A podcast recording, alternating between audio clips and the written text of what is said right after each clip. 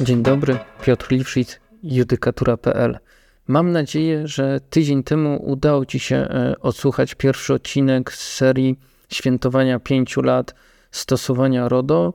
Jeśli nie, to cały czas masz taką możliwość. W żadnym e, wypadku nie będzie Ci dzisiaj trudniej słuchać e, orzeczeń czy wniosków z orzeczeń sądów e, administracyjnych, które przygotowałem.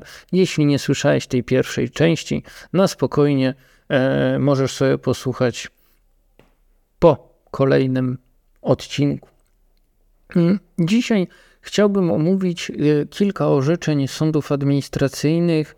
Będą to na pewno takie orzeczenia, które mi zapadły w pamięć z różnych względów. Oczywiście no nie da się pięciu lat e, orzeczeń w USA opowiedzieć w żadnym podcaście, bo nikt by nie wytrzymał ani mówienia, ani słuchania, więc ja się skupiłem na kilku orzeczeniach w USA, na dwóch NSA, e, tak żeby pokazać jakby perspektywę, a może nawet zakreślić, jak szeroka jest perspektywa ochrony danych osobowych i jak fajnie mm, aktualności plus, które są funkcjonalnością judykatury.pl, pozwalają mm, zaoszczędzić czas e, i energię na poszukiwanie no, wniosków z orzeczeń, decyzji, e, czy to organu naszego krajowego, czy też e, organów innych krajów Unii Europejskiej. No to zaczynajmy, no nie ma co przedłużać.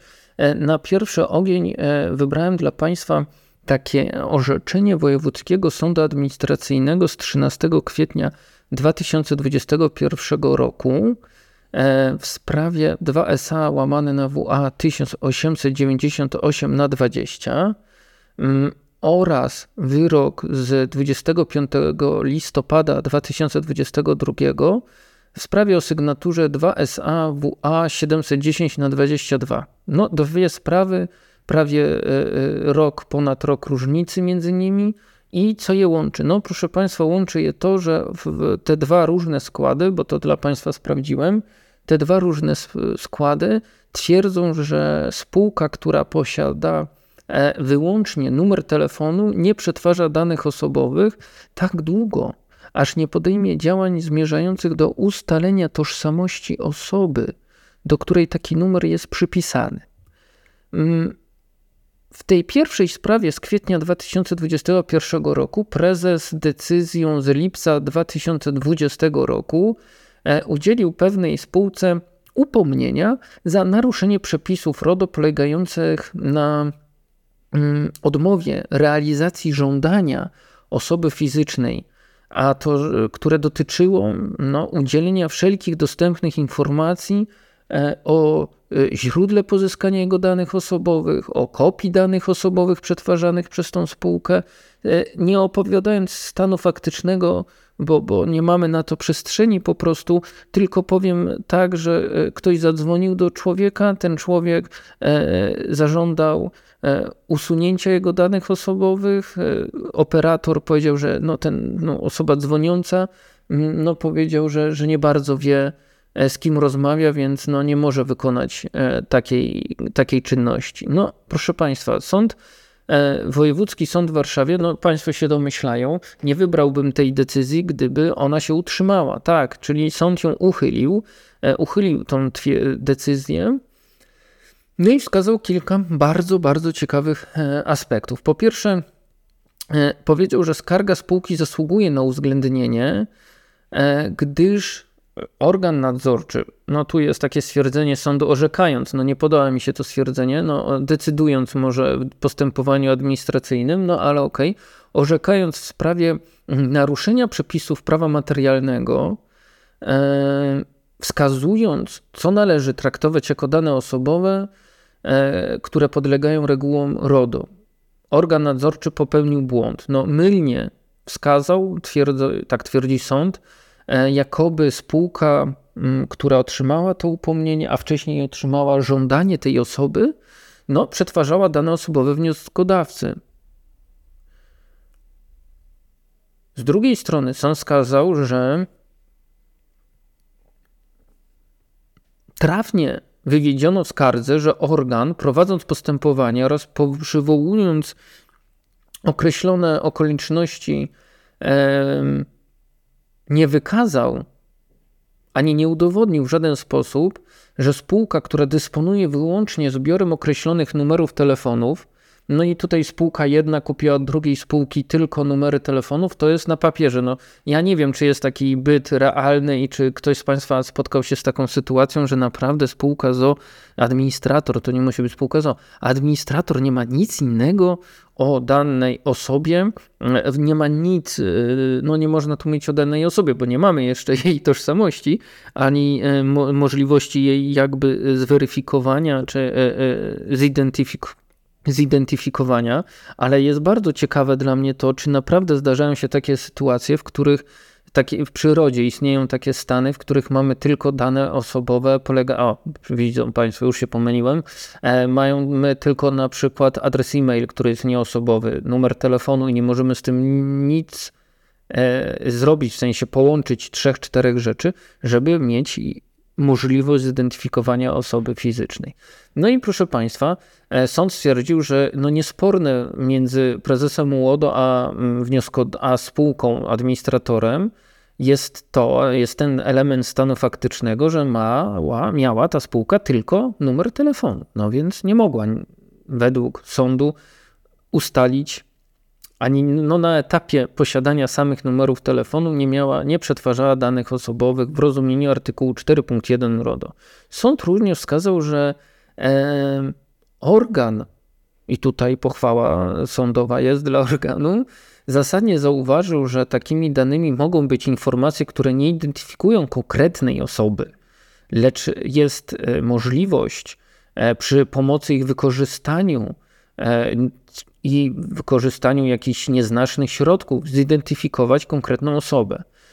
Według sądu organ nie wywiódł, wywiódł jednak, aby tego rodzaju charakter miał sam numer telefonu. No, który może być przypisany do konkretnej osoby, a może być przypisany do spółki ZO, może być przypisany do szpitala, do e, jakiejś wulkanizatora, może być przypisany do pracownika e, spółki komunalnej. No, nie, tego ta spółka, która kupiła numery telefonów, nie wie. Sąd powiedział, że no, stanowisko, że sam numer telefonu nie stanowi danej osobowej, jest e, także podzielane w doktrynie. Sąd tu zacytował jeden z no, podstawowych komentarzy do RODO, e, gdzie wskazuje się właśnie e, kwestię dotyczącą danych osobowych i tego, że numer telefonu nie zawsze jest tą daną osobową.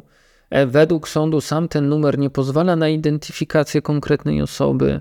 Sąd tutaj opowiada o tym, że no, e, nabycie przez spółkę od drugiej spółki zbiór, zbioru danych, bazy numerów telefonów, no, identyfikuje wyłącznie osoby, no bo tu zamieszkujące pewien teren, no tu kod pocztowy jeszcze był, w sensie ta baza przygotowana przez jedną spółkę dotyczyła mm, no, konkretnych kryteriów e, geograficznych. No, pytanie, skąd spółka sprzedająca, mająca same numery telefonu, wiedziała, kto jest z jakiego obszaru. No, pewnie miała więcej danych niż tylko numer telefonu, ale sprzedała czy przekazała tylko sam numer telefonu.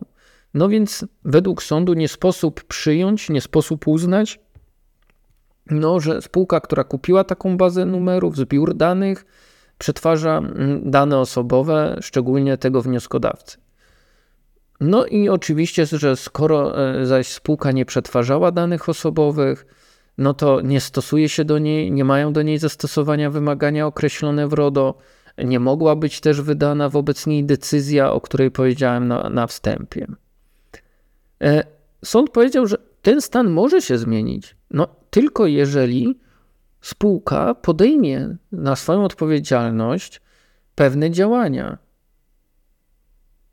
i będzie stosowała RODO, ale tylko wobec pewnych abonentów, czyli osób, których dane osobowe zgromadzi e, poprzez dzwonienie, proszenie o dane osobowe, przedstawianie jakichś ofert. No powiem Państwu, że w drugiej sprawie, która dotyczy tej samej kwestii, no w ogóle organ nadzorczy, bo pewnie nie ma uprawnień, e, prześliznął się po temacie e, artykułu 172 ustęp 1 prawa telekomunikacyjnego o uprzedniej zgodzie. No, tego tematu w ogóle nie ma, ale no, to dyskusja na inny dzień. No i proszę Państwa, w, w orzeczeniu z listopada 2022 roku tutaj prezes nakazał nie spełnienie mm, żądania osoby, której dane dotyczą, a się okazuje, że nie dotyczą, tylko nakazał wyeliminowanie nieprawidłowości w procesie przetwarzania danych osobowych obywatela poprzez usunięcie jego danych osobowych, no bo są przetwarzane, a one miałyby być w postaci numeru telefonu, bo te dane są przetwarzane bez podstawy prawnej. Sąd, uchylając e, ten punkt, bo drugim punktem tej decyzji było umorzenie, a tym się teraz nie będziemy zajmować, no, sąd, uchylając e, ten punkt decyzji, powiedział, że zasadniczą kwestią sporną między prezesem Łodo a kolejną spółką było to, że no, już nie, nie ma nawet co opowiadać, że e, zlecenie samego działania było tu trudne, bo proszę Państwa, to orzeczenie drugie, o którym Państwu opowiadałem, czy opowiadam, czyli to z 25 listopada 2022, 2SA łamane na WA 710 na 22, no proszę Państwa, jest tak zanonimizowane, że strasznie trudno przedstawić stan faktyczny, no bo chcę tylko powiedzieć, że mamy spółkę e, ZO oraz spółkę. I to są dwa odrębne podmioty. Jeden jest administratorem, drugi jest procesorem. I w skrócie Państwu opowiem o tym, że jedna e, ze szkół języka angielskiego zleciła, i ona tu chyba nazywa się spółka ZO, kropeczki spółka ZO, tak jest zanonimizowana, a słowo spółka odnosi się, proszę Państwa, do podmiotu przetwarzającego, e, który miał z internetu sobie zebrać dane mm, teleadresowe, wydzwonić ludzi i zapytać, czy wyrażają zgodę na marketing e, tej szkoły e, języka angielskiego. Jeżeli tak, to były te lidy, lidy były przekazywane do e, szkoły językowej i szkoła językowa sama dokonywała dalszego kontaktu z tymi osobami. No i proszę zwrócić uwagę, że bardzo ciężko czyta się ten, to orzeczenie, jest bardzo ciężko zachować jakiś ciąg logiczny w sytuacji, w której raz ktoś się nazywa spółka z OO, a raz nazywa się spółka. E, no ale w takich rzeczywistości jesteśmy i musimy w takiej rzeczywistości dać sobie radę. E, zasadniczą kwestią, która e, wymagała od nie tylko organu nadzorczego, co wiemy, że no nie podołał, bo też mamy uchyloną decyzję, było, proszę Państwa, to, żeby stwierdzić, czy sam numer telefonu to dane osobowe. Tutaj w ocenie sądu, który wskazał na regulację i wyłącznie na definicję danych osobowych, czyli na artykuł 4, punkt 1 RODO, należy, hmm, sąd wskazał, że ten zarzut skargi e, dotyczący błędnego ustalenia iż jedna spółka dysponuje wyłącznie, e, dysponując wyłącznie numerem telefonu przekazanym przez firmę, no bo tutaj były pewne telefony znalezione w internecie, pewne przekazane, no przetwarza w ogóle dane osobowe tego obywatela, który się poskarżył. Oczywiście, tak jak powiedziałem, powtórzę się na pewno, na, nie ma nic w decyzji ani w orzeczeniu na temat zbierania danych, czy, o, przepraszam, przetwarzania danych no nieosobowych z ogólnodostępnych źródeł, czyli te numery telefonu osób, które no niby są w teorii nieświadome, no są w praktyce nieświadome zaangażowania w to, że mogą być e, zainteresowane kursem języka angielskiego. Po drugie, nie ma nic o tym, żeby e, tutaj była kwestia poruszana artykułu 172 uprzedniej zgody, ale to powiem pod koniec. No tutaj należy też zaznaczyć, że według sądu obowiązkiem organu ochrony danych osobowych mm, była ocena no, zasadności zarzutów skargi, a zatem w pierwszej kolejności ustalenie e, tego, czy w ogóle doszło do przetwarzania danych osobowych skarżącego A jeśli doszło, to czy była jakaś podstawa prawna takiego przetwarzania? No, w ocenie sądu e, stanowisko organu, że to są dane osobowe, jest błędne. Według sądu dana osobowa to informacja, i tutaj e, e, przepisano artykuł 4 punkt 1 RODO, informacja o osobie możliwej do zidentyfikowania. Sąd podaje takie przykłady danych osobowych, że PESEL, adres zamieszkania, no Mówi też, że da się, proszę Państwa, w, z poglądów doktryny ustalić, czy z orzecznictwa sądów administracyjnych wykazać, że numer telefonu może stanowić daną osobą sytuacji nie takiej, jaką mamy w tej naszej sprawie, czyli tylko numer telefonu, ale wtedy, gdy dysponent tego numeru telefonu jest w posiadaniu innych informacji. No, możliwość identyfikowania osoby fizycznej należy według sądu odnosić, proszę Państwa, i to jest bardzo ważne, do określenia tożsamości konkretnej osoby fizycznej na podstawie posiadanych lub ewentualnie możliwych do uzyskania informacji. I proszę Państwa, co mówi sąd? Nie można natomiast odnosić tego pojęcia do podejmowania działań zmierzających dopiero do ustalenia uzyskania informacji, które kiedyś po połączeniu no, mogą stanowić dane osobowe, identyfikować konkretną osobę fizyczną. Sąd powiedział także, że dla zakwalifikowania określonych informacji do kategorii danych osobowych, do pojęcia danych osobowych, no, nie może mieć przysądzającego znaczenia możliwość teoretyczna dotycząca, czy y, będąca samoidentyfikacją przez osobę, której dane dotyczą. Tu chodziło o to, że e, w trakcie rozmowy ta osoba e, chciała się przedstawić i chciała, żeby e, osoba, która z nią rozmawia, ten operator call center, zanotował jej dane osobowe w bazie i żeby został ślad po tym, że ktoś do niej dzwonił. No, ta osoba całkiem słusznie chciała tego, bo wtedy można realizować jakieś swoje żądania z RODO. A bardzo słusznie, czy technicznie dobrze nauczonym był operator call center, powiedział, że nie zapisze takich danych, no bo jak pan nie wyraża zgody na marketing bezpośredni, już nie wchodzimy w szczegóły, czy to jest legalne, czy nie, moim zdaniem nie. To nie jest uprzednia zgoda, że jedna firma dzwoni po zgodę, a druga sobie z, nie, z takiej zgody korzysta. No, no nie na tym polega e, moja ochrona mojej prywatności przed telefonami i e, ochrona mojego spokoju przed wytrącaniem mnie e, nie tyle z równowagi, co z jakiegoś toku myśleniowego, no bo sobie po prostu tego mm, nie życzę.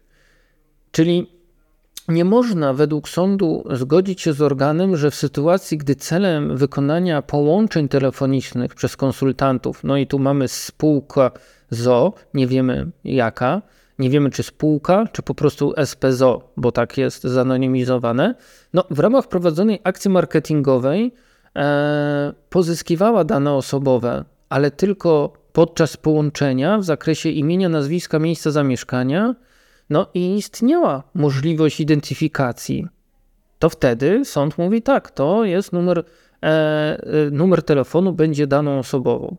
No, w mniejszej sprawie okolicznością niesporną, proszę Państwa, jest to, że w przypadku obywatela, który skarżył się do UODO, no, wykonane połączenie telefoniczne nie doprowadziło do pozyskania przez konsultanta e, danych osobowych tej osoby. A sam numer telefonu nie dawał możliwości jego identyfikacji. No i jeśli nie dawał i nie pozwalał na identyfikowanie konkretnej osoby w oparciu o przypisane jej cechy indywidualne, sąd uważa, że nie sposób uznać, aby spółka dysponowała danymi osobowymi i je przetwarzała, a więc nie możemy poszukiwać żadnej podstawy prawnej do przetwarzania. Prezes Łodo w swojej, swojej decyzji e, ruszył, poruszył temat i, i jakby na dowód tego, że ten numer telefonu to dana osobowa, poruszył taką kwestię Straży Miejskiej i dostępu do, e, numer, do danych osobowych właścicieli numerów telefonów komórkowych. Tu tylko na marginesie powiem, że Straż Miejska, jak szuka e, sprawcy wykroczenia polegającego na oblepianiu przystanków, słupów, ogłoszeń, e, słupów właśnie nie ogłoszeniowych, ale słupów z oświet latarni, o, latarni, przystanków, słupków parkingowych, no to wszystko są wykroczenia, tam jest zagrożenie grzywną, jest jakiś numer telefonu, nie wiem, do tapicera, do prania dywanów, do autokasacji, no i Straż Miejska chce wiedzieć, kto jest właścicielem tego numeru telefonu, aby tej osobie wlepić mandat za to, co zrobiła, czyli niezgodnie z prawem umieściła ogłoszenie w miejscu do tego nieprzeznaczonym. No i sąd e, i prezes UODO, dając taki przykład tych spraw, potwierdza według siebie, że no, ten sam numer telefonu to są dane osobowe.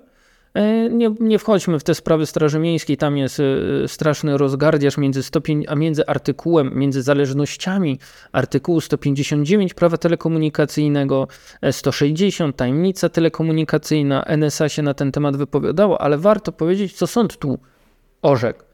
No, sąd w tej sprawie powiedział, że e, przywołane przez prezesa Łodo orzeczenia sądów administracyjnych przyznające Straży Miejskiej uprawnienia do pozyskania danych osobowych użytkownika telefonu w celu ustalenia sprawcy wykroczenia, wbrew twierdzeniu organu, proszę Państwa, nie potwierdzają tezy, że sam numer telefonu stanowi dane osobowe, a wręcz jej przyczą. No bo gdyż Straż Miejska, dysponując wyłącznie numerem, nie była w stanie zidentyfikować sprawcy wykroczenia, no bo jak dzwoniła pod numer autokasacji, czy numer dywanowy, czy tam wyprzedaż magazynów, e, no to odbierał pracownik i nie powiedział, czego jest pracownikiem. Był nauczony i wiedział, że nie może powiedzieć, kto jest właścicielem firmy. E, nie miał, e, bo wiedział, że akcja jest no nie do końca zgodna z prawem. No, no, oczywiście prezes Łodo próbował też pod, podnieść w argument, no nie próbował, tylko podniósł argumentację, ale próbował przekazać sądowi, że no, numer IP to jest dana osobowa. Sąd powiedział, że no, e, jest to zupełnie nieadekwatne porównanie do okoliczności tej przedmiotowej sprawy. No tutaj, proszę Państwa, kończąc jakby opowieść o tym, to chcę powiedzieć, że E, poziom anonimizacji tego orzeczenia no, jest przerażający. Podejrzewam, proszę Państwa, że tutaj podmiot przetwarzający e, nie wyszedł ze swojej roli i e, nie jest to kwestia, ta decyzja prezesa UODO, która mówi o usunięciu danych osobowych. Proszę zwrócić uwagę, że jest skierowana mm, moim zdaniem do administratora, ale oczywiście jak Państwo sami kiedyś będą chcieli przeczytać to orzeczenie, to ja zapraszam Państwa do wytykania mm, błędów w moim e, toku rozumowania. Bardzo jestem e, zawsze e, zadowolony, jak możemy o tym porozmawiać i możemy razem wyjść na jakąś prostą, więc gdyby Państwo mieli ochotę przeczytać to orzeczenie, to 710 na 22 i powiedzieć, jaki jest Państwa pomysł na to, mm, no, czy to pod komentarzami na YouTube YouTubie, Spotify'u, to mm, bardzo chętnie i serdecznie Państwa zapraszam. Zawsze jest to jakieś pole e, do nauki. No i teraz druga sprawa, drugie orzeczenie mamy, proszę Państwa, troszkę później, 30 czerwca 2021, e, sprawa 2 SAWA 134 na 21. No to jest, proszę Państwa, bardzo ciekawa kwestia, czy zagubione dokumenty. Mm, papierowe czy dane osobowe zawarte w papierowych dokumentach w ogóle podlegają RODO. Tutaj, proszę Państwa, sąd oddalił skargę pewnego obywatela na decyzję z prezesa UODO z listopada 2020 roku. Tutaj e, organ nadzorczy w decyzji umorzył postępowanie dotyczące nieprawidłowości w procesie przetwarzania danych osobowych poprzez ich ujawnienie bez podstawy prawnej naruszenie tajemnicy bankowej e, przez bank. No oczywiście prezes Łodo nie jest podmiotem, który e, zajmuje się tajemnicą bankową. Kwestia jest zupełnie inna. Tutaj proszę Państwa króciutko tylko opowiem stan faktyczny. W restauracji hotelowej ktoś z pracowników znalazł dokumentację papierową, bankową o jakiś wniosek kredytowy, dokumentację, umowa kredytowa, E, dokumentacja spłat rat e, i to co leżało w papierze. No i ktoś zadzwonił do, na numer telefonu wskazany w tej dokumentacji, przyjechał, okazało się właściciel e, danych osobowych, czyli ktoś, kogo dane osobowe były zawarte w tych dokumentach. No i Zaczęło się dochodzenie. No, policja nie umiała nic zrobić. E, bank powiedział, że 300 km od tego hotelu jest najbliższa placówka, czy tam e, siedziba tego banku, i bank powiedział, że to nie, są, nie jest jego kopia. No i ten człowiek był e, skłonny już do skargi, nie, nie tyle skłonny, no co po prostu złożył skargę do prezesa UODO. No i cóż, prezes UODO u, proszę Państwa, wydał decyzję o umorzeniu postępowania. I proszę zwrócić uwagę, że sąd powiedział: OK, decyzja jest OK, bo musisz umorzyć, ale z zupełnie innego powodu, proszę Państwa, bo prezes Łodo wskazał, że no nie ma dowodów, żeby doszło do naruszenia ochrony danych osobowych, żeby ktoś z banku skopiował te dokumenty i zostawił w hotelu podczas jakiegoś wyjazdu służbowego czy prywatnego. Bank powiedział, że hej, nie doszło u nas w ogóle do e, naruszenia, my nie wiemy skąd są dokumenty, no więc prezes UODO umorzył, a sąd powiedział trochę inaczej. No ale już do tego przechodzimy. Tu, proszę Państwa, sąd zaczął od tego, że prawidłowo organ nadzorczy uważa, że jest yy, decyzja, no znaczy, że, że, że decyzja o umorzeniu jest prawidłowa, bo proszę zwrócić uwagę, że no, jest brak przesłanek do dalszego prowadzenia postępowania, które wszczęto wobec skargi osoby, której dane znaleziono w tym hotelu, wobec, no, w związku z odnalezieniem tych danych, e, danych dokumentów, mm, bo, proszę Państwa, bezsporne jest e, okoliczność, bezsporna jest okoliczność faktyczna i kwestia dotycząca tego, że mm, dane osobowe wnioskodawcy mogły zostać upublicznione w terminie, w sposób i w zakresie wskazanym w skardze no, na terenie restauracji hotelowej.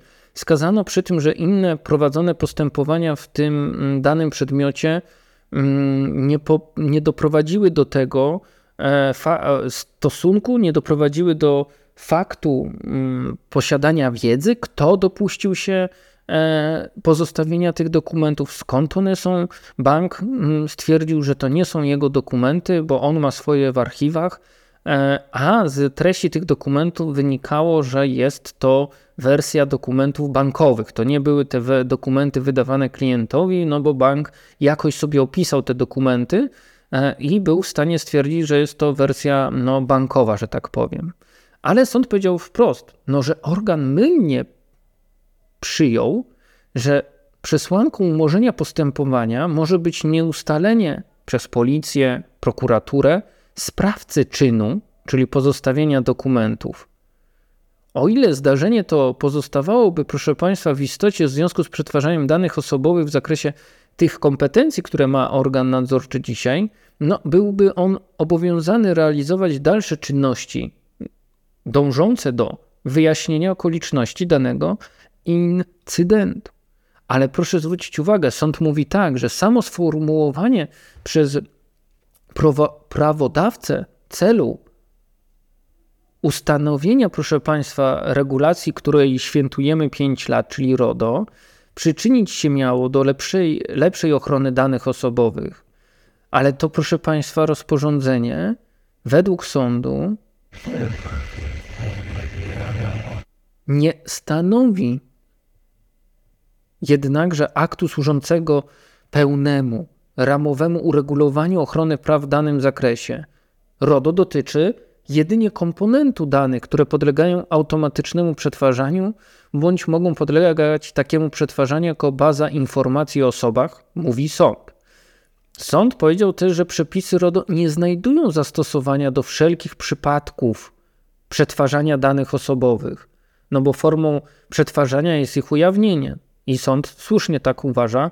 E, no, e, tylko proszę pamiętać, że nie zawsze tak będzie, gdyż udostępnienie danych osobowych w moim odczuciu, czy moim zdaniem, no, musi być moje świadome, tak? Musi być świadome w postępowaniu w sprawie, powiem tak, w prawie karnym powiedzielibyśmy, że musi być umyślne, jeśli w ogóle się trzymamy umyślności i nieumyślności czynu mm, zabronionego, to zwrócę uwagę, że no, można mówić o tym, że to ujawnienie jest, proszę Państwa, formą przetwarzania, ale tylko wtedy, kiedy będzie objęte zakresem RODO.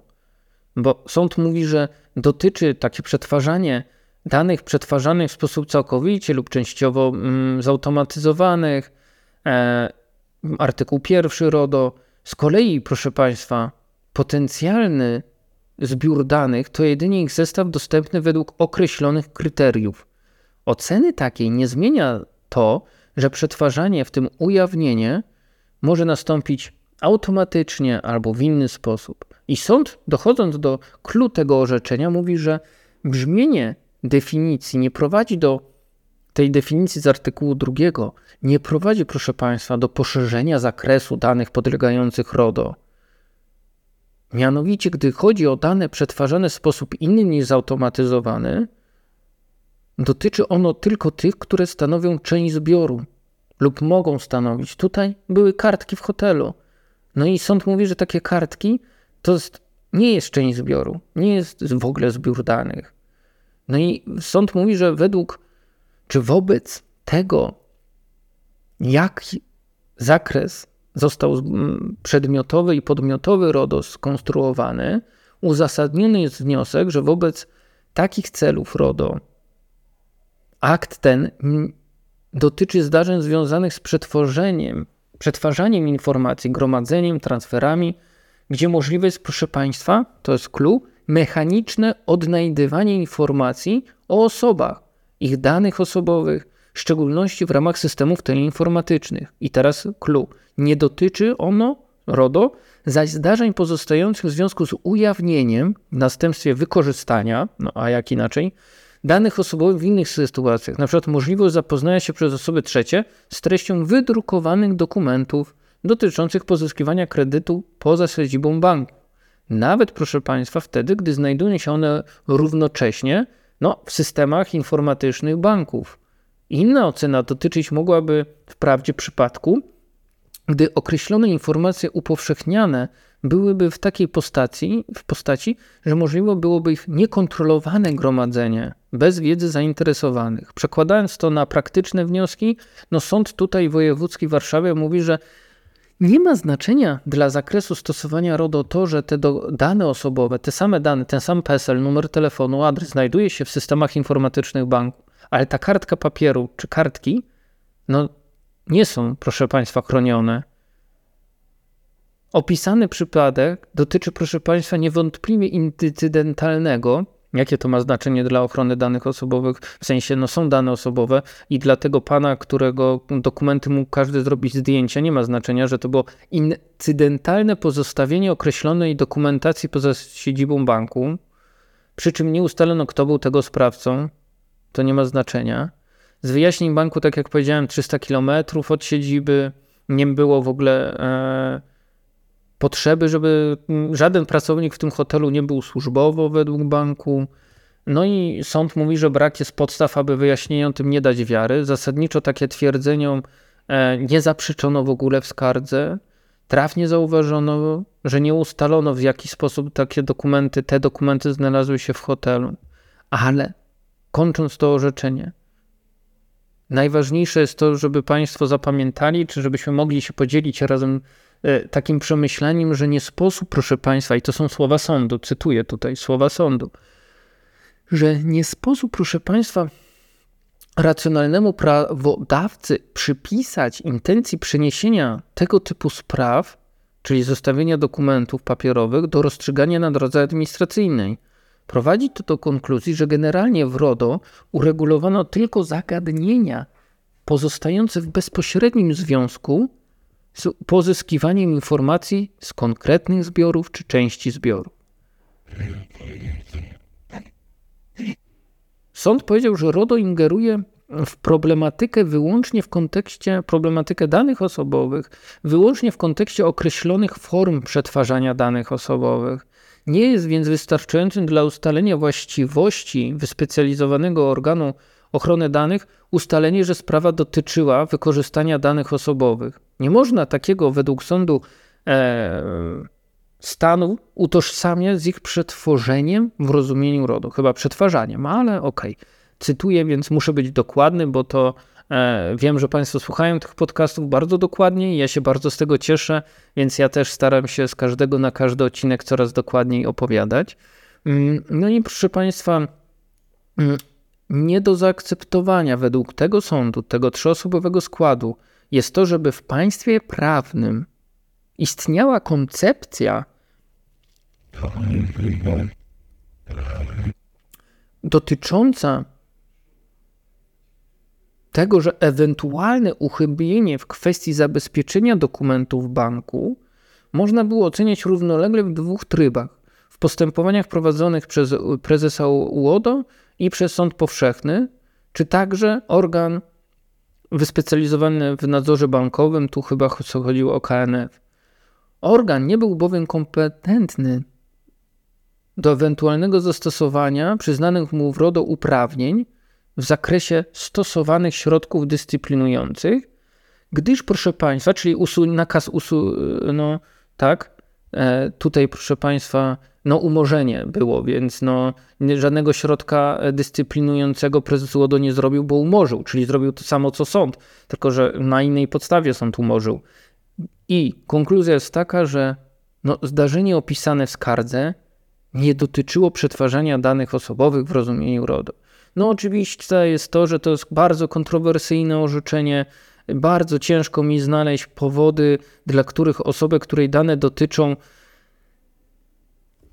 należy tak mocno obcierać, proszę Państwa, z podstaw czy, czy, czy spraw e, do ochrony jej danych osobowych w zależności tylko od tego, że ktoś e, zgubił dokumentację w placówce, na schodach placówki banku albo 300 km dalej. No, no to już nie powinno mieć znaczenia dla ochrony danych osobowych, bo rozumiem, że gdyby taka sytuacja miała miejsce, że e, bank wymieniając, e, wymieniając, no źle to powiedziałem, zmieniając swoją siedzibę z jednej placówki na drugą, wyrzuci dokumentację na śmietnik, co się wielokrotnie zdarzało i można o tym czytać różne, na przeróżnym stronach internetowych, no to wtedy ani prezes UODA, ani sąd moim zdaniem nie wskazaliby, że, że to jest ok. Tak? No dobra, idźmy proszę Państwa do decyzji w zakresie, czy dotyczącej e, uchylenia jednej z większych kar mm, prezesa UODO, ale nie dlatego ją wybrałem, to orzeczenie, że dotyczyło kara, ale dotyczyło Mm, no, podmiotu przetwarzającego. Proszę Państwa, wyrok z 15 listopada 2021 roku w sprawie 2 SAWA 2465 łamane na 21, gdzie sąd uchyla decyzję prezesa UODO z kwietnia 2021. Tutaj nałożono karę 1 140 tysięcy prawie, taką kwotę. Sąd powiedział, że zarówno z uzasadnienia zaskarżonej decyzji, jak też z jej sentencji wynika, że no, zarzucane skarżącej przez organ naruszenie stanowiące podstawy do nałożenia kary pieniężnej zostały przypisane właśnie skarżącej w ramach współpracy z podmiotem świadczącym usługi kurierskie. No, domyślają się Państwo, że to jest cyfrowy Polsat, to jest ta kara, która chodziło, dotyczyła tego, że no, doszło do pewnych naruszeń, zaginięcia przesyłek e, ze skanami czy kserokopiami dowodów osobistych. Krótko mówiąc, stan faktyczny to kurier, proszę Państwa, w niektórych aspektach czy w niektórych swoich działaniach musiał doprowadzić do takiej sytuacji, że legitymował osobę, u której zostawiał e, system do odbierania telewizji, bo przy kurierze zawierana była umowa. Czyli kurier też sprawdzał dowód osobisty, e, widział te dane osobowe na tym umowie, pakował w kopertę. No i to było już zakre, jakby objęte zakresem powierzenia. No a umowy powierzenia, a samo doręczanie pudełek z talerzami satelitarnymi, z dekoderami, no bo nie zawsze była ta umowa, czasami coś się zepsuło i kurier wymieniał to urządzenie. No już nie było w ramach powierzenia, tylko relacji administrator-administrator. No i sąd miał do tego bardzo dużo pytań i wątpliwości. Stwierdził, że no w tym uzasadnieniu brakuje stwierdzeń dotyczących tego właśnie aspektu i z tego powodu no, ta kara została uchylona. No, proszę zwrócić uwagę, że e, sąd powiedział, iż e, organ ochrony danych osobowych zakwalifikował firmę kurierską realizującą proces doręczenia przesyłek nadawanych przez administratora do swoich klientów jako podmiot przetwarzający. Spółka, pomimo wdrożenia mm, pewnych no, rozbudowanych bardzo umów powierzenia, mówiła, że no nie do końca tak jest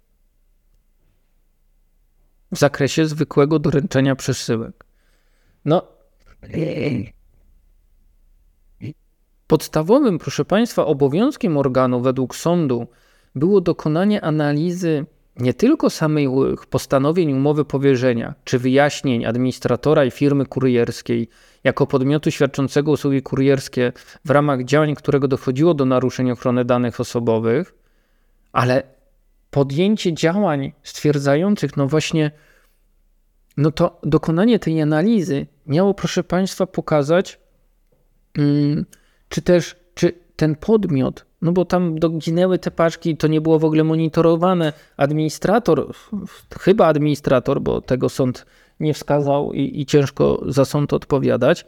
No, administrator nie kontrolował sytuacji, w których podmiot przetwarzający non-stop informował o zaginięciu paczek, e, czy z tymi umowami, czy po prostu z dekodorami. No i sąd mówi wprost: dokonaj organie nadzorcze analizy.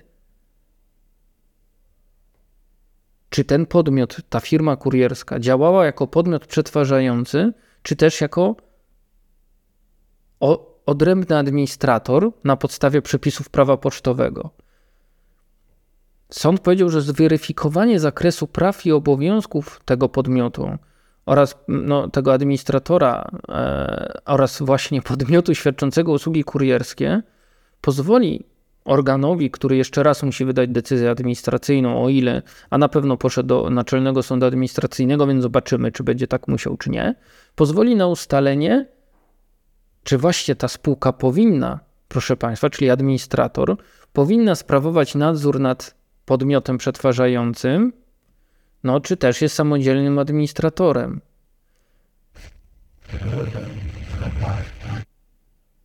Prezes UODO bronił się, że te e, zagadnienia, czy ten problem dotyczący relacji między administratorem a podmiotem przetwarzającym, e, administrator podniósł dopiero w odpowiedzi na skargę, e, a w czasie postępowania administracyjnego w ogóle tych problemów, tych problemów, no tego rozważania nikt nie podnosił, mimo że spółka była, była obowiązana współdziałać w tym zakresie, gdyż ciężar dowodów w tej sprawie spoczywał e, na spółce. No to jest w ogóle bardzo ciekawe zagadnienie. Co do ciężaru dowodu, no nie jestem przekonany, że tak jest. E, ciężar to raczej spoczywa na tym, kto prowadzi postępowanie administracyjne, e, a nie na stronie tego postępowania, ale to powiem przy wyroku NSA uchylającym wyrok i decyzję w sprawie Morelinet.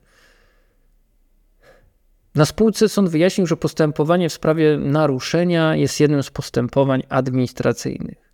I dlatego, że jest to postępowanie administracyjne, sąd odniósł się do artykułu 8 kodeksu postępowania administracyjnego, czyli tej zasady pogłębionego zaufania obywateli do organu. To jest główna zasada, którą tu sąd mocno, wielokrotnie powtarzał w swoim uzasadnieniu, czyli artykuł 8. No i nawet na ten artykuł powoływał się to, co powiedziałem przed chwilą. No, e, NSA e, wskazując tak zwane prawo do obrony, ale oczywiście wiemy, że w postępowaniu administracyjnym czegoś takiego nie mamy. W tej formie, oczywiście znanej z prawa karnego. No, co mogę jeszcze tu Państwu powiedzieć, że w tej sprawie. Yy, prezes Łodo no, chyba bardzo szybko e, przeszedł nad postanowieniami umowy, załącznikami do umowy powierzenia e, i nie rozgryzł bardzo dokładnie, e, czy doręczenie przesyłek do klientów, co szczególnie istotne, dotyczyło, proszę Państwa, dwóch administratorów czy podmiotu przetwarzającego i administratora. No, sąd tu zauważył też, No, z tego względu, że e, no, rolą sądu administracyjnego nie jest, proszę Państwa, ustalanie stanu faktycznego. On tylko, sąd tylko czyta uzasadnienie akta i nie dochodzi własnego stanu faktycznego. Mm, no to sąd tutaj powiedział, że skomplikowana umowa między tymi dwoma podmiotami no, umknęła uwadze podmiotu e, prowadzącego postępowanie administracyjne. E, co jeszcze jest istotne, to mm, no, nie dokonano przez organ ochrony danych osobowych, no nie dokonano pełnych ustaleń co do roli i zakresu odpowiedzialności. I jest to, proszę Państwa, orzeczenie, które pokazuje, że no, bardzo skomplikowanymi materiami hmm, są, proszę Państwa, relacja, tak jak e, relacja między administratorem a podmiotem przetwarzającym, tak jak widzieli Państwo w pierwszej sprawie dotyczącej e, numeru telefonu, telefonu komórkowego. Widzą Państwo, że to jest zawsze jedna z właśnie takich problematycznych rzeczy, e, bo mamy 5 lat, proszę Państwa, RODO i my się nagle jesteśmy nawet nie na tym samym miejscu co 5 lat temu, tylko moim zdaniem jesteśmy jeszcze e, dużo, dużo w tyle, bo zamiast rozwijać swoje, mm, no, e, jakby możliwości związane z interpretacjami RODO, to my się zastanawiamy cały czas, proszę Państwa, nad takimi rzeczami, kto jest administratorem, kto jest podmiotem przetwarzającym, czy to coś, co mamy, to dana osobowa, czy też nie. No ale idźmy do kolejnego orzeczenia. Tu już mamy marzec 2022, sprawa 2SA WA 3561 na 21 mm, dotycząca prawnie uzasadnionego interesu, który według sądu należy rozumieć nie jako interes wynikający z przepisów prawa, lecz jako interes, który jest zgodny z prawem. E, a ta zgodność z prawem stanowi ograniczenie pojęcia, proszę Państwa, interesu administratora lub strony trzeciej jako jednej z potencjalnych podstaw do przetwarzania danych osobowych. Tutaj, proszę Państwa, rozumienie prawnie uzasadnionego interesu musi być e, realizowane przez administratora mm, lub stronę trzecią w taki sposób, żeby pojęcie tego, tej podstawy prawnej nie wychodziło poza jej marginesy, czy, czy było oparte na kanwie, o której ten przepis mówi. Czyli no, mamy niezbędność do przetwarzania, tak? Niezbędność przetwarzania. I sąd tłumaczy w tym orzeczeniu, że mm, musi to być, proszę Państwa, rozumiana ta niezbędność jako Y, no, rozsądnie oceniając, coś, co jest rozsądnie oceniane, potrzebne, więc musi występować, proszę Państwa, bezpośredni związek pomiędzy realizacją prawnie uzasadnionego interesu, a potrzebą, no widzą Państwo, że już niezbędnością, potrzebą przetwarzania danych osobowych. W ocenie sądu nie sposób jest, proszę Państwa, uznać, aby no, przesłanka artykułu 6 ust. 1 litera F dotyczyła czegoś, czy, czy sytuacji, czy relacji, które już się wydarzyły, czyli już istnieją. Czyli sąd mówi, że może coś na przyszłość, czyli że no, przetwarzanie tak zwane na zapas nie do końca jest złe, bo proszę Państwa, sąd też wskazał, że em, można mieć cel wynikający z prawnie uzasadnionych interesów realizowanych przez administratora w przyszłości, na przykład będzie konieczność udowodnienia potrzeby, hmm, jakaś konieczność czegoś udowodnienia, przepraszam, potrzeba dochodzenia lub obrona przed roszczeniami istniejącymi, istniejącymi albowiem, bo albowiem możemy, proszę Państwa, według sądu na tej podstawie prawnej, z czym oczywiście nie zgadza się organ nadzorczy, kilka wyroków jest przeciwko temu, kilka wyroków za, ja wybrałem ten za, żeby Państwu pokazać, że jest światełko w tunelu, jest jakaś nadzieja, więc jest to możliwe.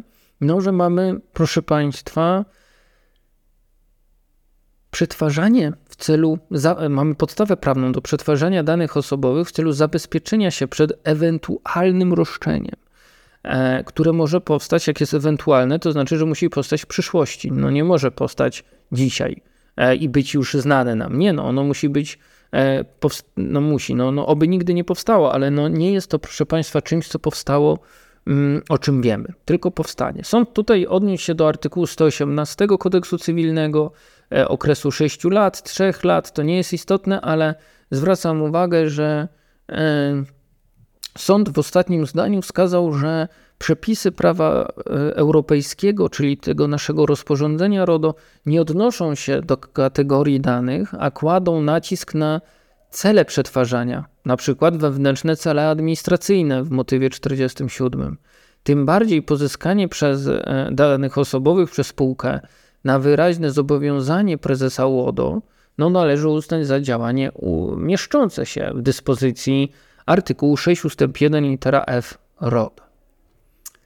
E, następna sprawa już jest świeża, bo to jest no, świeższa niż tamta. Jest 23 maj, proszę Państwa, 2022 roku, 2 SA łamane na WA 35 50 na 21.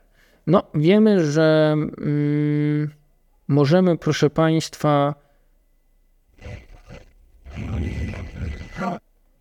porozmawiać w tej sprawie o tym, że sąd uchylił tutaj decyzję e, dotyczącą niewłaściwego, no bo prezes Łodo, powiem tak, prezes Łodo stwierdził niewłaściwe działanie banku w zakresie odmowy realizacji prawa dostępu do kopii danych. Tutaj, proszę Państwa, sąd stanął na stanowisku, że ze względów na ścisłe regulo, ściśle regulowany charakter działalności bankowej, te podmioty związane są rekomendacjami wydawanymi przez mm, Europejski Urząd Nadzoru Bankowego, Komisję Nadzoru Finansowego. W przypadku bezpieczeństwa teleinformatycznego zastosowanie znajdzie rekomendacja D ze stycznia 2013 roku dotycząca zarządzania obszarami technologii informacyjnej i bezpieczeństwa środowiska teleinformatycznego. No i tutaj zgodnie z rekomendacją D w zakresie obowiązków weryfikacyjnych bank powinien w szczególności określić i stosować niezawodne metody i środki potwierdzające tożsamość. Tu, proszę Państwa, sytuacja wyglądała tak, że obywatel z jakiegoś powodu chciał otrzymać kopię swoich danych nie na adres e-mail, który wskazał w kontaktach z bankiem, mógł go w każdej chwili samodzielnie zmienić przez portal, przez aplikację bankową, stronę internetową bankową, ale nie. On się uparł i napisał wniosek, no bo pewnie nie podyktował, napisał wniosek, żeby e, kopię bank przesłał na nowy adres e-mail. On tam twierdził, że to jest ten sam operator pocztowy, ale inny adres e-mail, mimo i tak naprawdę jest to jedna skrzynka, e, różniąca się tylko nazwą domeny, ale operator jest jeden. E, to chyba chodziło o 2.pl i tlen.pl. Wiemy, że to są ten sam operator, więc jedna skrzynka i takie było uzasadnienie tej osoby, że nie ma znaczenia, co jest w systemach bankowych. Ja chcę dostać teraz moją kopię danych osobowych na ten e-mail. No, sąd wskazał, że nie może utrzymać się w obrocie prawnym decyzja prezesa UODO nakazująca, niewłaści, nakazująca przekazanie tych danych osobowych na niewłaściwy adres e-mail, bo on jest niewłaściwy w rozumieniu tego, co ma bank. I e, sąd powiedział wprost, że e, organ ochrony danych pominął w swoich okolicznościach e, rekomendacje D, e, rekomendacje EBY, KNF-u i proszę Państwa, no źle, pod, źle, źle podjął decyzję, nie, niewłaściwą e, decyzję podjął dotyczącą nakazaniu zrealizowania tego prawa. Sąd powiedział, że złamano tutaj, proszę Państwa, obowiązki wynikające z artykułu 7 KPA, 77, 80, gdyż nie przeprowadzono w sposób należyty postępowania dowodowego i to doprowadziło do wadliwej, proszę Państwa, oceny tego zebranego materiału dowodowego, a to doprowadziło już do błędnej decyzji. To, proszę Państwa, co sąd jeszcze tu podniósł, wynika z tego, że albo odnosi się do tego, że ta korespondencja kierowana do wnioskodawcy na jeden adres nie, nie ma dowodów na to, że trafia do tej samej skrzynki w ramach tego samego konta poczty elektronicznej. To jest stanowisko tej osoby wnioskującej, a nie wynika, proszę Państwa, z analizy materiału dowodowego, no bo prezes Łodo nie dokonał takiej analizy. I sąd powiedział, że tak długo jak klient banku nie zmieni, proszę Państwa, danych kontaktowych w systemie banku na swoim koncie, co może zrobić przez internet, e, w placówce, tak długo bank nie może udostępnić kopii danych chronionych przepisami o ochronę danych osobowych czy tajemnicy bankowej na nieuwierzytelniony adres e-mail. Tak? No i jasnym jest według dla sądu i dla nas wszystkich na pewno to, że no bezwarunkowo prawa osoby, której dane dotyczą do uzyskania informacji, czy administrator przetwarza jej dane osobowe, czy nie, no to to jest takie bezwarunkowe prawo. Nie jest, proszę Państwa, zawsze e, możliwe do realizacji, no bo proszę Państwa, mamy w tym przypadku no, dane objęte tajemnicą bankową, dane osobowe i nie można ich przesyłać, proszę Państwa, bez e, uprzedniego zweryfikowania, czy po drugiej stronie komputera jest osoba uprawniona do otrzymania takich danych. Bank miał pewne wątpliwości. Sąd powiedział wprost, że e, no, słusznie bank podnosił e, wynikające z artykułu 12 ust. 6 RODO prawo swoje do badania tożsamości osoby, która wnosi. No bo proszę Państwa, to nie jest tak, że można to przesłać i najwyżej się nic nie stanie. No nie, rozmawiamy o bardzo poważnych e, danych osobowych. Wiemy, jak wygląda odpowiedzialność banku za ujawnienie tajemnicy bankowej. Wiemy, jakie są to przestępstwa. No i na pewno nie możemy, nie możemy sobie po, po, pozwolić na takie rzeczy. No i sąd tu, proszę Państwa, co bardzo interesujące, wskazał, że wnioskodawca jako klient banku nie dopełnił, proszę Państwa, klient banku nie dopełnił wynikających z umów zawartych obowiązku właśnie, obowiązku, proszę Państwa, poinformowania banku o każdej zmianie danych osobowych, w tym zmianie adresu korespondencji, tylko ten człowiek się upierał, że on nic nie zmienił, bo ma dwa adresy e-mail, gdyż to trafia na tą samą skrzynkę pocztową. W systemie informatycznym banku widniał jeden adres e-mail, no i to jest adres e-mail do korespondencji. I sąd końcowo jeszcze raz e, wskazał, co jest moim zdaniem jedynym e, orzeczeniem, jakie ja znam, E, dotyczącym artykułu 12 ust. 6 RODO, czyli tej prawnej podstawy do badania tożsamości osoby, która do administratora pisze wnioski, czy tam bardziej żądania z RODO, tak? I powinniśmy się tutaj na tym mocno skupić, że jest podstawa do tego, proszę Państwa, żeby każdy administrator, jak ma rozsądne, uzasadnione, proszę Państwa, wątpliwości co do tożsamości osoby, której żąda wykonania praw, no powinien pod, powinien, proszę Państwa, w jasny i precyzyjny sposób e, je rozwiać, tak, żeby nie było możliwości zarzucenia bankowi czy administratorowi, że no, nie podjął się takim badaniom. No, proszę Państwa, jeden z ostatni, ostatni wyrok z Sądu Wojewódzkiego to jest, proszę Państwa, z 10 października 2022 roku w sprawie 2 SAWA 567 na 22, który, proszę Państwa, uchylił decyzję prezesa UODO z stycznia 2022 roku. Widzą Państwo, że no, niecały rok i WSA wydał wyrok, więc bardzo szybko. Mm, tutaj, proszę Państwa, prezes UODO nałożył e, największą dotychczas e, karę 5 milionów złotych, e, a procesor też otrzymał karę prawie, a nawet troszkę więcej niż 250 tysięcy złotych, więc no jest to proszę Państwa nie może tak duża kara, no na pewno nie jest, tak duża kara jak na Facebooka nałożył irlandzki organ nadzorczy niedawno. Ale no, jest to, proszę Państwa, jedna z e, największa kara w Polsce, tak powiem. No ale ona nie istnieje. Została, proszę Państwa, na razie e, nie otrzymała ta decyzja waloru, proszę Państwa, prawomocności. no więc jej nie ma w obrocie, ale co ciekawe, po pierwsze, proszę Państwa, w USA powiedział, że trzeba ją, tą decyzję uchylić, gdyż organ nie wyjaśnił wszystkich istotnych dla e, prawidłowego rozstrzygnięcia e, okoliczności. E, tutaj, proszę Państwa, sprawa sprowadziła się do oceny tego, czy decyzja została wydana po poprawnie przeprowadzonym postępowaniu administracyjnym i czy to postępowanie odpowiadało wymaganiom określonym w KPA. Tutaj sąd powiedział, że uzasadnienie tej decyzji nie odpowiada, proszę Państwa, wymaganiom artykułu 107 paragraf 3 KPA. Czyli to uzasadnienie ma być, proszę Państwa, takie, że jak sąd czyta wie wszystko ze sprawy.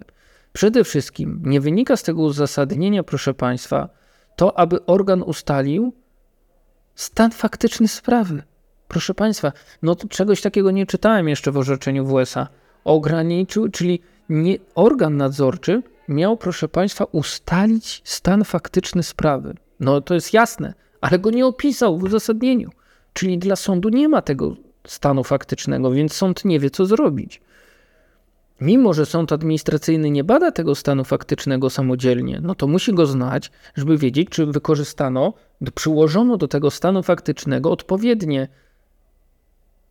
prawa z KPA, zastosowano odpowiednie mechanizmy wynikające z KPA. Proszę Państwa, prezes Łodo według sądu, konstruując uzasadnienie decyzji administracyjnej, ograniczył się wyłącznie do przywołania oświadczeń stron złożonych w trakcie postępowania administracyjnego. No i oczywiście te oświadczenia są, proszę Państwa, nie zawsze ze sobą zbieżne, bo mam, mieliśmy podmiot przetwarzający, który się musi bronić, bo ma 250 tysięcy złotych kary ponad, administratora, który ma prawie 5 milionów kary. No i mimo, że oni ze sobą współpracują w postępowaniu przed prezesem UODO, w postępowaniu przed sądem, no to jednak trochę chcą bronić siebie, tak? To jest jasne. A prezes UODO według sądu nie dokonał żadnej oceny wiarygodności owych oświadczeń, tak? Prezes Łodo pominął milczeniem to, w jakiej części, kiedy, którym numer karty w aktach sprawy, czyli jakim oświadczeniom dał wiarę i dlaczego. To, co jest ciekawe jeszcze, no to e, te uchybienia organu polegające na braku ustalenia stanu faktycznego sprawy powodują, iż sąd został zupełnie pozbawiony możliwości oceny nie tylko analizy materiału dowodowego, ale również prawidłowości samej decyzji. Nie tylko samej wysokości kary, ale przede wszystkim tego, czy doszło do naruszenia RODO. Tutaj pamiętają Państwo sprawa Forte, no, wyciek, spółka sprzedająca energię, e, sprzedająca mm, chyba gaz i prąd, Mm, no, e, zleciła podmiotowi przetwarzającemu pewne działania przyspieszające działa, pracę archiwów cyfrowych tej spółki, bo to za długo działało, za wolno w sensie działało to archiwum i spółka traciła czas, a więc pieniądze. Podmiot przetwarzający poprzez błąd swojego pracownika no, udostępnił te dane osobowe, czy ich nie zabezpieczył, cofam to słowo, nie zabezpieczył ich odpowiednio i one się znalazły w internecie. No i ktoś znalazł te dane osobowe e, i one sobie tam hulały w internecie. No i proszę Państwa, e, tutaj bardzo istotnym kwestią, czy, czy bardzo istotną kwestią jest to, że według sądu organ nie przeprowadził żadnych własnych badań skutków naruszenia. Skupił się jedynie na oświadczeniach i dokumentacji tych dwóch podmiotów. Brak według sądu jest, proszę Państwa, jasnego, przekonującego wyjaśnienia kwestii kompletności zgromadzonego e, w sprawie materiału dowodowego. Brak jest w ogóle, proszę Państwa, nawet ustalenia przez organ nadzorczy, czy doszło do wycieku danych osobowych, czy nie. Tutaj się pojawia jakiś raport KPMG w sprawie y, administracyjnej, gdzie administrator próbuje tym raportem udowodnić, że wcale nie doszło do naruszenia ochrony danych osobowych. Nie wiem jak, bo nie mam dostępu do tego raportu i nie umiem sobie nawet wyobrazić, jak mogłoby nie dojść do takiego wycieku danych osobowych poprzez to, co zrobił tam podmiot przetwarzający, no ale może się dowiemy z wyroku NSA, o co tu chodziło. No i też istotne jest to, że sąd e, wskazując ponowne postępowanie, czy tam e, no, ponowne postępowanie sąd, organu nadzorczego, czyli te zalecenia sądu, przejawiają się w tym, że będzie trzeba uzupełnić materiał dowodowy. No ale proszę Państwa, jak? No po pierwsze, trzeba ustalić co było technicznie możliwe, i to jest bardzo ważne, proszę Państwa, co było technicznie możliwe do wykonania po stronie administratora danych, a także jak wyglądały standardy i praktyki w zakresie wykonywania zmian w systemach informatycznych i ustalić, czy podmiot przetwarzający należycie wdrożył środki techniczne organizacyjne. No i też, proszę Państwa, sąd mówi wprost, trzeba ustalić, czy w przedmiotowej sprawie doszło do wycieku danych, czy nie przeprowadzone mm, pewnych działań, tu chyba chodzi o audyty i inspekcje, przyczyniło się do wystąpienia naruszenia danych osobowych. No proszę Państwa, to jest strasznie istotne orzeczenie, bo to pokazuje, że my nawet nie mamy pewności stanu faktycznego.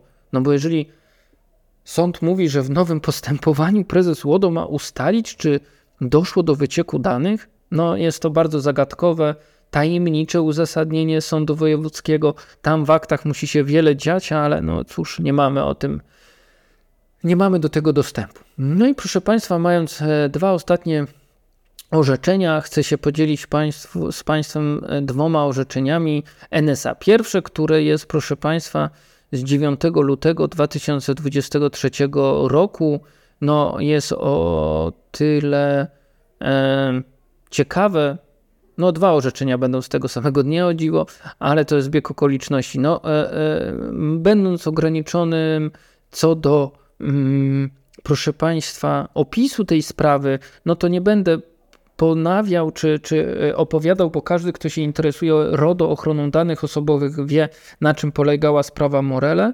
Ja chcę Państwu opowiedzieć o wyroku Naczelnego Sądu Administracyjnego z 9 lutego 2023 roku w sygnaturze, o sygna, sprawa o sygnaturze 3 OSK 3945 na 21.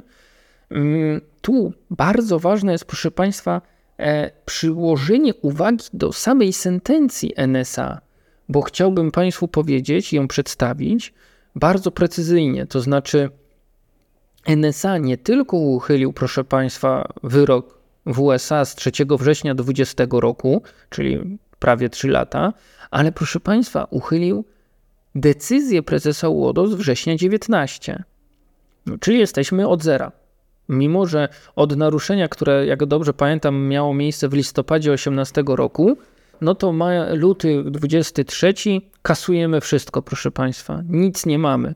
Nie mamy w ogóle postępowania, robimy od zera. I to jest największa, proszę Państwa, bolączka, moim zdaniem. To mnie najbardziej boli, jeśli chodzi o postępowania przed NSA w USA, czy też to, co robi prezes Urzędu Ochrony Danych Osobowych, gdyż no nie jest na pewno łatwe wydawanie takich decyzji administracyjnych. Oczywiście nie zgadzam się z tym, żeby y, one wymagały odwagi, no bo to nie jest, proszę Państwa, ten poziom e, cech charakteru, jakie trzeba mieć, tylko no, wymagają, proszę Państwa, na pewno nie tylko wiedzy specjalistycznej, niezależnie czy własnej, czy zewnętrznej, ale proszę Państwa, no wymagają konkretów, wymagają konkretnego opisywania stanu faktycznego, kropka po kropce, punkt po punkcie, żeby sąd miał wyłożone jasno i klarownie to, co się wydarzyło w sprawie. Co powiedział NSA, wracając do orzeczenia? Przepraszam za tą dygresję. No, odpowiedzialność Tu jest, proszę Państwa, zapomniałem powiedzieć, ale już się poprawiam, 2,8 miliona złotych kary. My tu nie wiemy, czy doszło do naruszenia 2 milionów 200 tysięcy danych osobowych, czy 600, tysięcy, 600 osób. Mamy cały czas braki, no bo nie mamy dostępu do akt administracyjnych, więc mówię o tym, co wynika z decyzji, co wynika z wyroku w USA. NSA też różne liczby podaje nie dojdziemy do takiego stanu faktycznego bez, proszę Państwa, mm, dostępu do akta, ale też uważam, że w tych aktach tego nie ma, dlatego nie ma też decyzji. Dlatego jeszcze raz wszystko zrobi prezes UODO. Może to zajmie pół roku, może rok, ale no najważniejsze, że tam przedawnienie było wstrzymane poprzez to postępowanie sądowe, więc bieg leci e, od pewnych tam e, elementów czy wydarzeń e, i o to się nie boję, nie martwię, ale no na pewno bardzo dużo ciężkiej pracy stoi po stronie organu. Ale co powiedział NSA? Wracamy do tego. No tutaj powiedział, że mamy odpowiedzialność, proszę Państwa, za delikt administracyjny, czyli jednostka, czy, czy, czy, czy w ogóle prawo administracyjne jest tak zbudowane, że jednostka, czyli u nas administrator, podmiot przetwarzający, ponosi odpowiedzialność za delikt administracyjny, a nie za czyn zawiniony, który może być e, objawiony, czy może się objawiać zachowaniem lub zaniechaniem. Albo zaniechaniem, oczywiście nie może być to i to. Odpowiedzialność według sąd, Naczelnego Sądu Administracyjnego, ta odpowiedzialność ma charakter obiektywny, a nie subiektywny. To jest duża różnica. A delik administracyjny, proszę Państwa, może w związku z tym stanowić pewne działanie administratora danych, ale także pewien obiektywnie istniejący stan rzeczy, za który odpowiedzialność ponosi ta jednostka, czyli u nas administrator danych. Tutaj NSA odwołał się do e, orzeczenia Trybunału Konstytucyjnego, bardzo stara sprawa, 2009 rok, KP 409, w którym podkreślono, że w odniesieniu do deliktów administracyjnych subsumpcja stanu faktycznego sprowadza się do ustalenia, czy określone działanie wyczerpało znamiona wskazane w ustawie. Czyli w takim stanie rzeczy delikt administracyjny nie musi w ogóle stanowić czynu, tym bardziej nie jest, proszę Państwa, wymaganie określenia w rozstrzygającej decyzji administracyjnej mm, opisu czynu, opisu tego deliktu, e, za który administrator ponosi odpowiedzialność prawną, bo to nie jest akt oskarżenia. To nie jest e, dokument, z którego sąd, któremu komuś coś się zarzuca, tak jak robi to prokurator. Mm, po drugie, proszę Państwa, mm, do postępowania w przedmiocie nałożenia administracyjnej kary pieniężnej na podstawie, na podstawie, proszę Państwa, przepisów e, RODO, e, na podstawie przepisów, oczywiście artykułu 83 RODO, co jest jasne, nie stosuje się nawet odpowiednio przepisów procedury karnej, nakazującej w orzeczeniu przytoczenie opisu i kwalifikacji prawnej zarzucanego czynu. Tutaj Naczelny Sąd Administracyjny odniósł się do artykułu 413 paragraf 1 punkt 4 Kodeksu Postępowania Karnego. No, NSA powiedział jasno, że w ogóle nie możemy mówić o postępowaniu czy, czy, czy dotykaniu procedury karnej, że tak powiem obrazowo, ale musimy, proszę Państwa, no, dać jakieś prawo do obrony, że tak powiem. No i NSA podzielił tu przytoczone przez skarżącą kasacyjnie argumenty przemawiające za koniecznością powołania biegłego. E, tutaj, proszę Państwa, są rozważania bardzo ciekawe w tym orzeczeniu. Ja tylko się skupię na tym, że. Mm, istotą tej sprawy, proszę Państwa, przed NSA jest ustalenie, czy środki techniczne organizacyjne stosowane przez skarżącą kasacyjnie, czyli przez Morele.net, były odpowiednie w rozumieniu artykułu 32 ust. 1 i ustęp 2 RODO. No tego to nie wie nawet Trybunał Sprawiedliwości Unii Europejskiej, bo proszę Państwa ma trzy czy cztery sprawy, e, pytania prejudycjalne właśnie w tym zakresie. I właśnie w tym zakresie cały czas dochodzą kolejne pytania, co albo czym są, proszę Państwa, odpowiednie środki techniczne i organizacyjne. Mm, NSA powiedział, że na gruncie RODO prawodawca unijny odszedł od statycznego określenia wymaganych od administratora środków e, technicznych na rzecz e, takiego badania, takiej analizy e, tego, co mamy, jakie zabezpieczamy i no, brania oczywiście ryzyka wynikającego ze stanu, z tego, co przetwarzamy i brania tych środków ochrony, środków organizacyjnych i technicznych ze względu, dobieranie ich ze względu na stan wiedzy technicznej, koszty wdrożenia, charakter, zakres, kontekst, no i oczywiście cele przetwarzania, tak?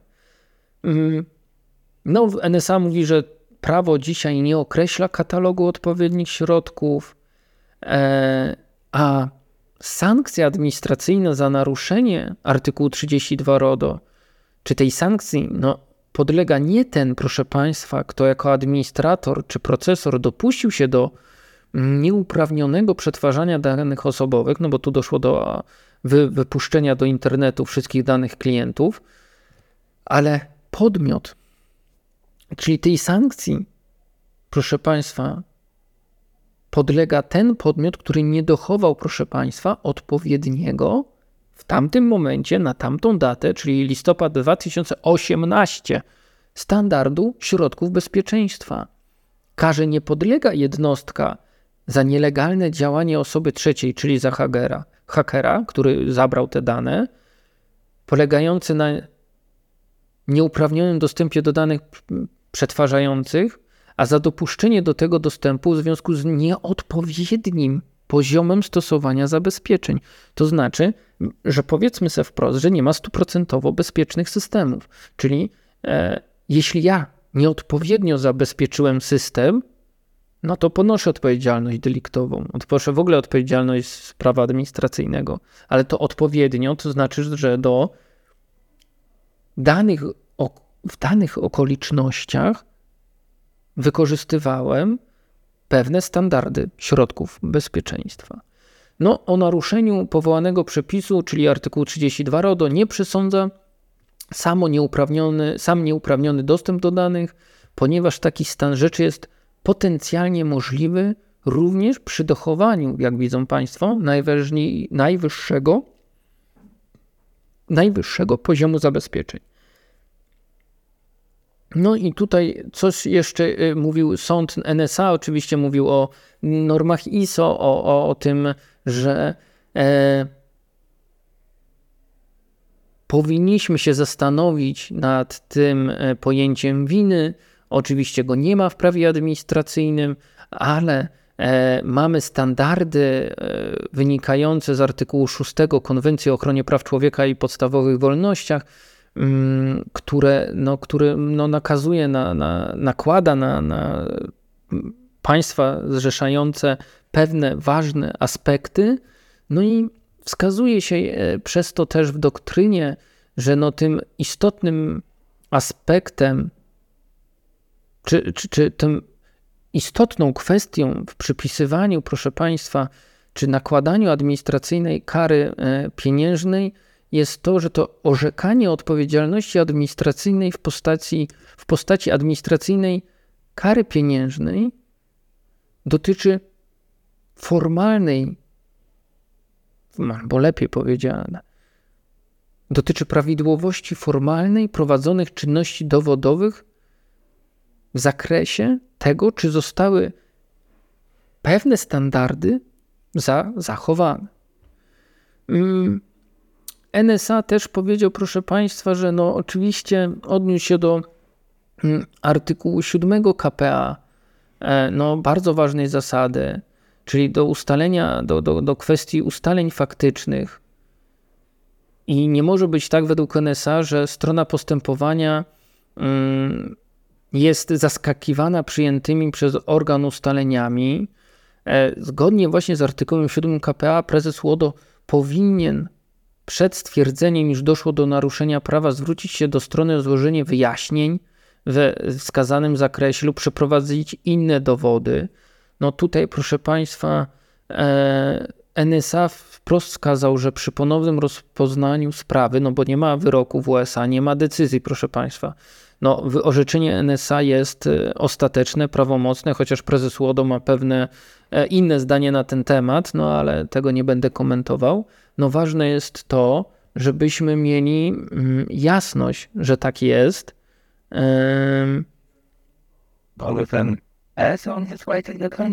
I według NSA w nowym postępowaniu prezes Łodo dokona, proszę Państwa, e, ponownej oceny wniosku dowodowego administratora dotyczącego powołania biegłego i tego,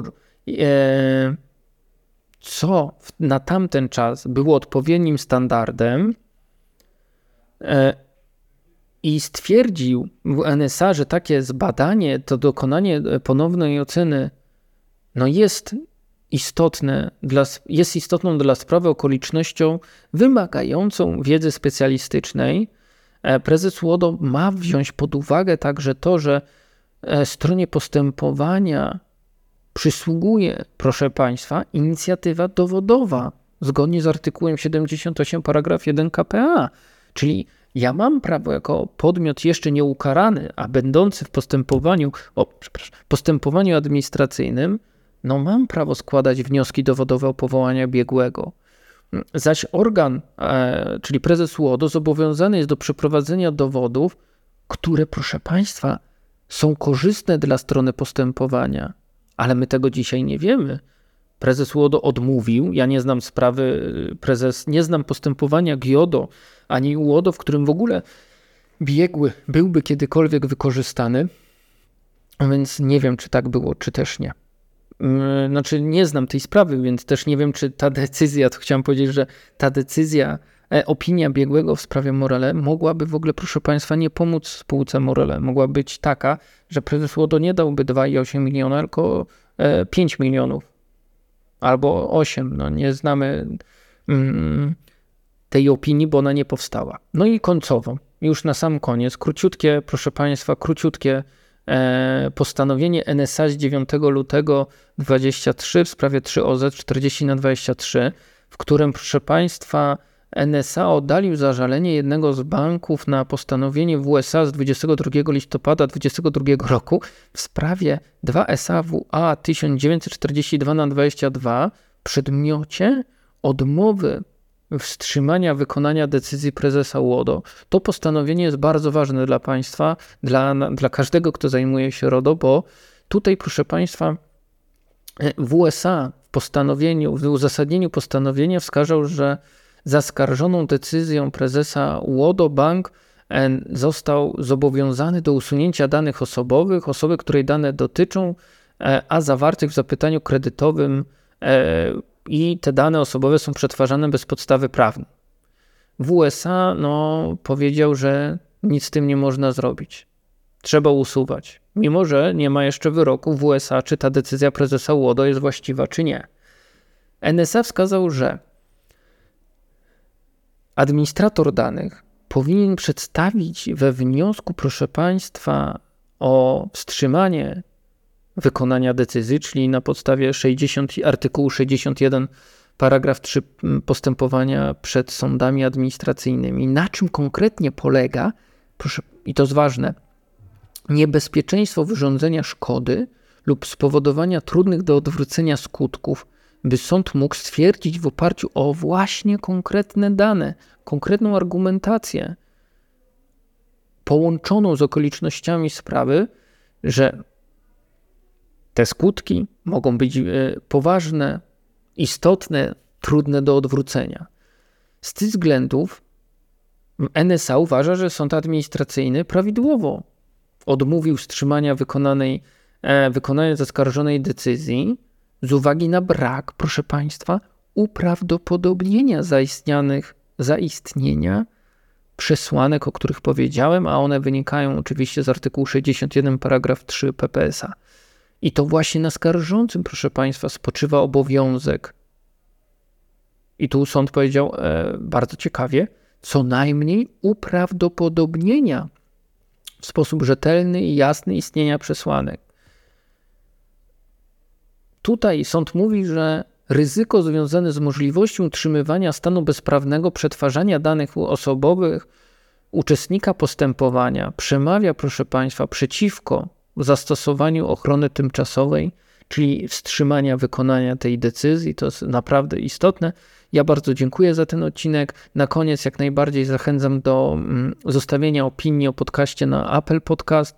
W aplikacji Apple wchodzimy w zakładkę oceny i recenzje, tam piszemy, klikamy zapisz, ja bardzo wtedy dziękuję, a jeżeli ktoś słucha mnie, nas, e, ten podcast przez Spotify, to trzeba wejść w gwiazdkę pod judykatura.pl, pod opisem podcastu, wybrać swoją ocenę, e, a ja podziękuję jeszcze raz za każdą ocenę. Dziękuję bardzo, do usłyszenia w trzecim odcinku. Będzie CUE i Europejski Trybunał Praw Człowieka.